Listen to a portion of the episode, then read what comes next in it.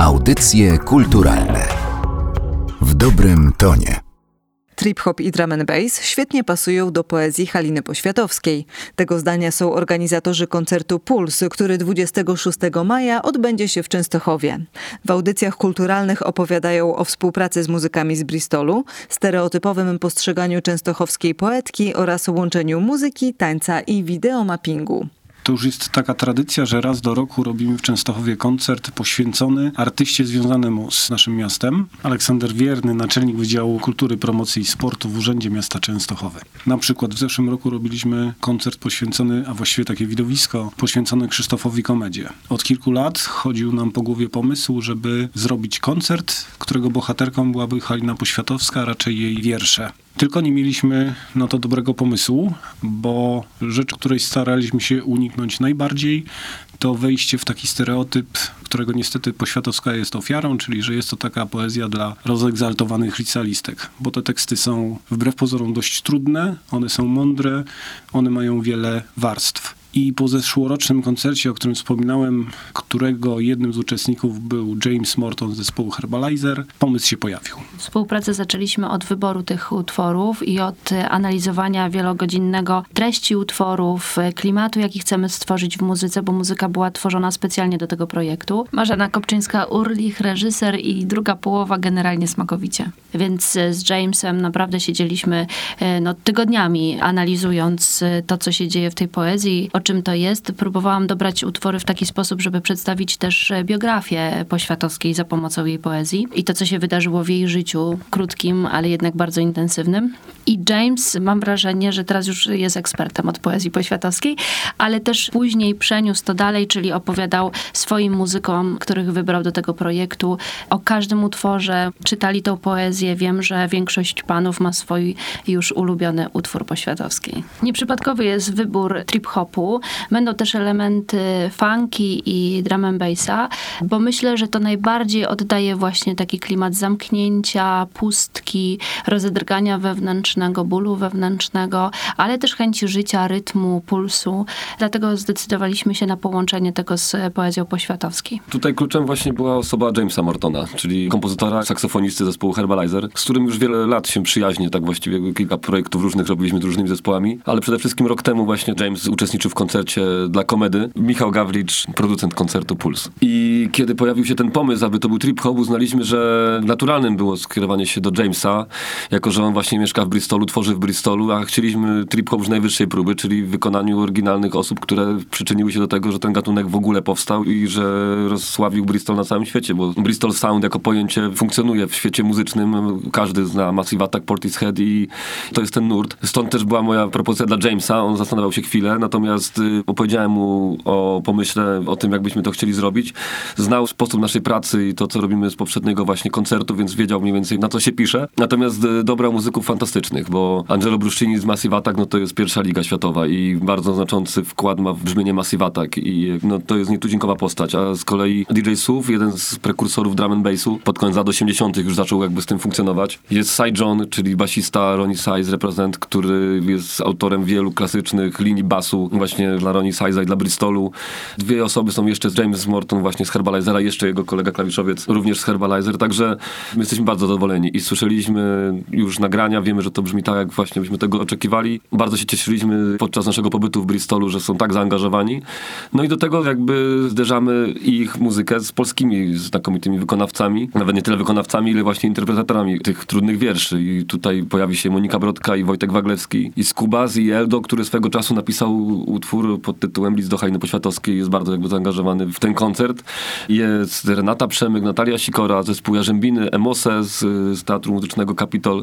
Także sami jesteśmy ciekawi. Jeszcze warto chyba wspomnieć o tym, że to nie tylko będzie muzyka, ale trochę coś jeszcze więcej. Wizualizacje nawet pociągnięte w stronę mappingu, dlatego że chcemy przekształcić całą scenę w świat poświatowskiej i zaprosić widza jakby do całego świata, który zostanie przygotowany. Oprócz tego będą występowali też tancerze Wrocławskiego Teatru Tańca w choreografii Bożeny Klimczak, e, więc będzie się działo dużo e, na scenie, dużo elementów i mam nadzieję, że to odda w pełni nie tylko poezję poświatowskiej, ale jej charakter i osobowość. Opowiadamy historię poetki, więc zaczęliśmy przede wszystkim od tekstu w języku polskim i od poezji. I to było najważniejsze, to był punkt wyjściowy.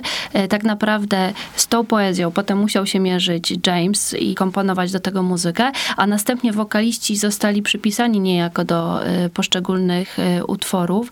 Wybór wokalistów nie jest przypadkowy, bo to są bardzo charyzmatyczne, silne, temperamentne osoby, które już mają swój styl, więc łatwo było wybrać im tekst i połączyć to razem z muzyką, żeby oni się w tym dobrze odnaleźli. I okazało się, że w większości przypadków było to trafione. Chciałam, żeby tematyką koncertu poświatowskiej była jej historia życia, czyli na pewno pojawi się element wojenny, na pewno się pojawi element początku jej choroby, na pewno pojawi się element mówiący o tym, jak ona przeżywała pobyt w szpitalu, jej pierwsza miłość, pojawienie się męża, a potem dramatyczna śmierć po roku czasu, chociaż oboje wiedzieli, że decydując się na ślub przyspieszają ostateczność tej chwili.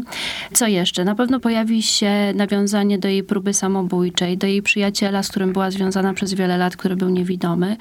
I takie jej przeżywanie świata po rozstaniach z mężczyznami, ale też pobyt w Stanach i główna operacja, no, która była wtedy na takim światowym poziomie, jedna z najważniejszych operacji. Niestety nie było o tym głośno w Polsce, natomiast na świecie tak i ona została przeprowadzona właśnie na Halinie Poświatowskiej i jej funkcjonowanie potem na stypendium w Stanach Zjednoczonych. To też będzie fragment dotyczący tego koncertu. To, że mężczyźni biorą udział w tym koncercie nie jest przypadkowe. To jest celowy zamiar dlatego że ja chcę pokazać, że poezja poświatowskiej to nie jest tylko poezja młodych kobiet, ale jest to świat bardzo głębokich przeżyć y, człowieka, który był zamknięty w jakiejś przestrzeni, osobowości, która musiała się wyrażać nie tak, jak my sobie to wyobrażamy na co dzień, prawda, bo jednak to zamknięcie powodowało dyskomfort, tak sobie myślę, bardzo duży, ale myślę, że ważne jest to, że my czujemy podobnie, niezależnie od tego, jaką mamy płeć, że mężczyźni tak samo potrafią odnaleźć ten kawałek siebie, swojego czucia w tej poezji poświatowskiej. Podczas pobytu właśnie w Bristolu, tak jak wspomniałem wcześniej, chcieliśmy pojechać tam, aby się już poznać wcześniej, porozmawiać, żeby ta współpraca była jeszcze pełniejsza. I wtedy ja widziałem naprawdę żywe zaangażowanie. Mieli porozkładane kartki z wierszami, dopytywali się, jaka była Halina.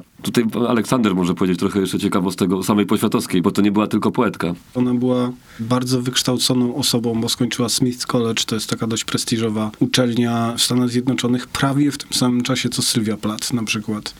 Po powrocie do Polski studiowała filozofię i była taką trochę uczennicą Romana Ingardena, jednego z najbardziej znanych filozofów polskich ubiegłego wieku. I to wszystko, jak się troszeczkę w tych tekstach jej, w tych jej wierszach pogrzebie, to wszystko jest. To znaczy ona to swoje cierpienie i te miłości bardziej i mniej szczęśliwe y, przeżywa bardzo świadomie. Ona rozumiała doskonale, co się wokół niej dzieje, miała taki ostry, jasny intelekt i to jej pisanie wcale nie jest tak proste, jakby się wydawało. Zapraszamy wszystkich do Częstochowy 26 maja w sobotę. Zaczynamy o 19 na Placu Biegańskiego. To jest taki główny plac w Częstochowie. On jest bardzo duży, także mogą przyjechać też ludzie spoza Częstochowy. Wszyscy się tam pomieścimy i nie trzeba kupować biletów, bo jest to wydarzenie, impreza otwarta.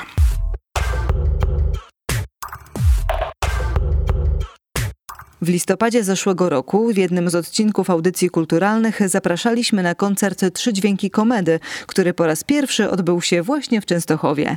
Okazało się, że widowisko pojedzie w europejską trasę. Mało kto wie, ale Krzysztof Komenda miał swój epizod częstochowski, taki dosyć ważny. Niektóre źródła podają, że nawet w tej Częstochowie powstał jego pseudonim, bo przecież on się nie nazywał Komenda, tylko Trzciński. I doszliśmy do wniosku, że artysta, który miał związek z Częstochową, on potem na przykład robił muzykę do spektakli granych w Częstochowskim Teatrze, zasługuje na takie trochę nowe pokazanie jego muzyki.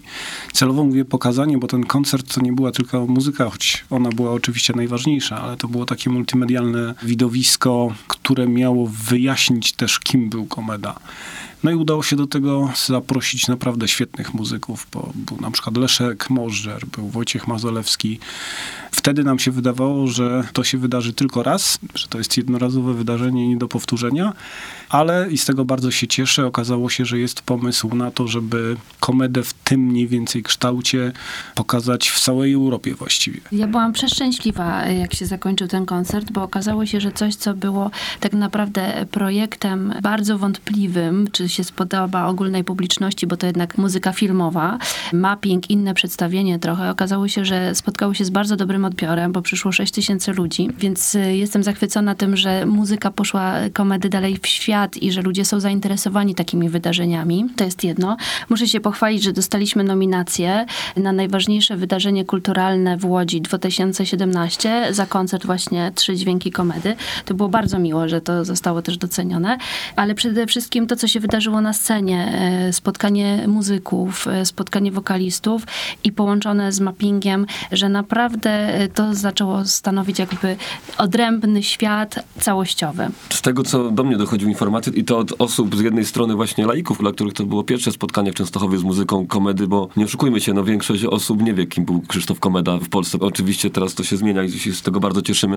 Bardzo dobra książka Grzebałkowskiej, wyszły też książki Tomka Lacha i tutaj właśnie do Tomka chciałem nawiązać, bo Tomek Lach, czyli pasierb Krzysztofa Komedy i osoba, która od 30 lat dba o archiwum komedy i o jego cały czas e, jakby dostępność, był na tym koncercie. Nawet on jako właściwie ekspert od spraw swojego ojca, bo on naprawdę głęboko w archiwach siedzi, widział parę rzeczy, których na przykład nie wiedział. Albo pojawiły się zdjęcia, których nie znał. Czyli chodzi mi o to, że dla osoby, dla których to było pierwsze spotkanie, to było interesujące na tyle, że utrzymali uwagę przez cały koncert i przeżyli, a dla osób, którzy byli bardziej jakby w temacie, mimo wszystko znajdowali coś jeszcze nowego. Tam opowiadamy historię komedy ustami Polańskiego, Wajdy, Tomka Stańko, Zosi Komedowej. Zupełnie z innego punktu widzenia można na niego spojrzeć po obejrzeniu tego koncertu. I cieszymy się bardzo, że właśnie Tomek Lach zaproponował nam, abyśmy objęli kuratelą 50. rocznicę śmierci Krzysztofa Komedy, która się zbliża. I udało nam się pozyskać środki i jedziemy z tym koncertem w tym roku do sześciu krajów. Na takiej zasadzie, że w każdym kraju będzie inny zespół muzyczny przygotował aranżację do utworów. Zawsze będziemy brać jednego gościa z Polski. Natomiast pojedziemy z naszym mappingiem, z opowieścią o komedzie, która będzie przetłumaczana na wszystkie języki krajów, w których będziemy. I stanie się to uniwersalną opowieścią o komedzie, ale też trochę o polskim jazzie. I odwiedzimy m.in. Wielką Brytanię, odwiedzimy Francję, Niemcy, Finlandię, Litwę, Czechy. Jesteśmy ciekawi, jak to właśnie się tam przyjmie w tej postaci, w różnych wykonaniach różnych zespołów, bo to jest na pewno ciekawe. Także koncert Trzy Dźwięki Komedy będzie miał swój żywot. Dalszy wrócimy z nim w przyszłym roku do Polski i będziemy grać wtedy już normalną, regularną, dużą trasę w ramach właśnie obchodów 50 śmierci komedy. Ja sobie wyobrażam, że za każdym razem muzycy z danego kraju będą inaczej interpretować komedę, pomimo tego, że będą grali podobne utwory, czy te same utwory. I myślę, że to jest socjologicznie bardzo ciekawe, czy będzie różnica w interpretacji w zależności od tego, w jakim państwie się znajdujemy. I myślę, że to spowoduje, że żaden koncert nie będzie e, powtarzalny. A dodatkowo jeszcze realizujemy taki zamysł komedy mówiący o tym, żeby promować młodych ludzi i też przybliżamy postać komedy i jego muzykę, no, która była niezwykła. I szkoda, żeby zaginęła gdzieś w niepamięci. Przypadkowo też zostały te kraje wybrane. Jest jeszcze jeden klucz, y, czyli każdy z tych krajów w pewien sposób był z komedą związany. Czyli Wielka Brytania, komeda nagrywał tam muzykę do nieustraszonych pogromców wampirów oraz do filmu Matnia. We Francji z kolei z Polańskim nagrywał etiudę Gruby i Chudy i grał regularnie koncerty. W Niemczech zabłysnął właściwie bardzo prekursorską płytą, czyli jazz i poezja z wierszami polskich poetów po niemiecku, zaś z muzyką Krzysztofa. Także będziemy odnajdywać miejsca, które były związane z tymi właśnie aktywnościami Krzysztofa i również za każdym razem będzie w jednym z utworów merytoryczne informacje, czy stare archiwalne zdjęcia, plakaty i rzeczy związane z pobytem Krzysztofa w tych każdych krajach będzie też uwypuklony. Także ten związek z tymi krajami będzie też dla lokalnej publiczności interesujący, że okazuje się, że jest jakaś nić połączenia. A czy po zakończeniu tych e, wszystkich tras i za granicą i tej e, trasy zapowiadanej po Polsce macie może jakieś plany, żeby to widowisko wydać e, może na DVD w jakiś taki sposób, żeby było dostępne dla szerokiej publiczności? Myślimy o tym. Mam nadzieję, że to się uda też zrealizować, bo to rzeczywiście jest świetna historia do posłuchania, ale też do obejrzenia i to wtedy jest rzeczywiście pełne. Także myślimy o tym.